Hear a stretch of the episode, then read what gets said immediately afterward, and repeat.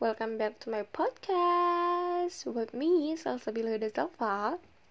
In the fourth episode, we will talk about why I choose a pharmacy. So, a few days ago, my teacher gave us homework about why I choose a pharmacy as a major and what is my goals after the graduate.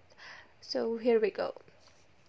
Okay, if I remembered about the first day that I accepted as a college student, I wouldn't believe that I could be here today. So, I chose pharmacy as my major because I want to be a health professional and help people. Mm, it's a classic, I know. but that was my biggest dream since I was a child. Then, when I was in the senior high school, my grandmother was sick and she always forgot to take her medicine. Actually, I wanted to help her, but maybe it's too late now. From that, it makes me stronger that I want to be a health professional. I said that to myself. okay. Honestly, to be a pharmacist is not easy as we think. This is not only about staying at a pharmacy and giving a medicine to the patient or a customer. It's much more than that, guys. We have to make sure that the dosage, the medicines, and the identity of the patient correctly before giving it to them. However, it doesn't end there. We have to monitor the side uh, effects if it happens to the patients.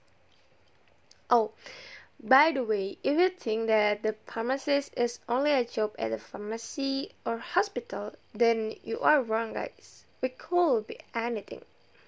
We can work as a businessman, open the pharmacy, or to be a pharmaceutical sellers, or work at the cosmetic industry, or um, if you want to be a scientist, you can be a scientist of pharmacy, or work at the industry, or work at the non-government or government, such as at Ministry of Health or at National Agency of Drug and Food Control. And therefore, the pharmacists are needed in every sector and our job fields are very wide. Okay, last but not least, if somebody asks me what is my goals after I graduate, truly, I have a lot of dreams.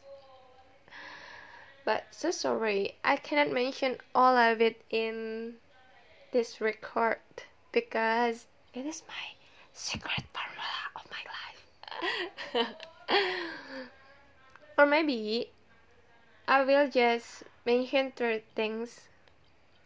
First, after I graduate as a bachelor of pharmacy, I will to continue my profession study so that I can be a pharmacist.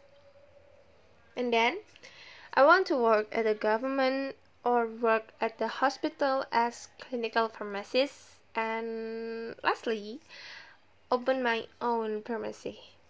And from that, I hope that I could help many people and educate them, especially about the medicines. Okay, so I think that's all from me. Thank you for listening my podcast. See you on the next episodes. Bye.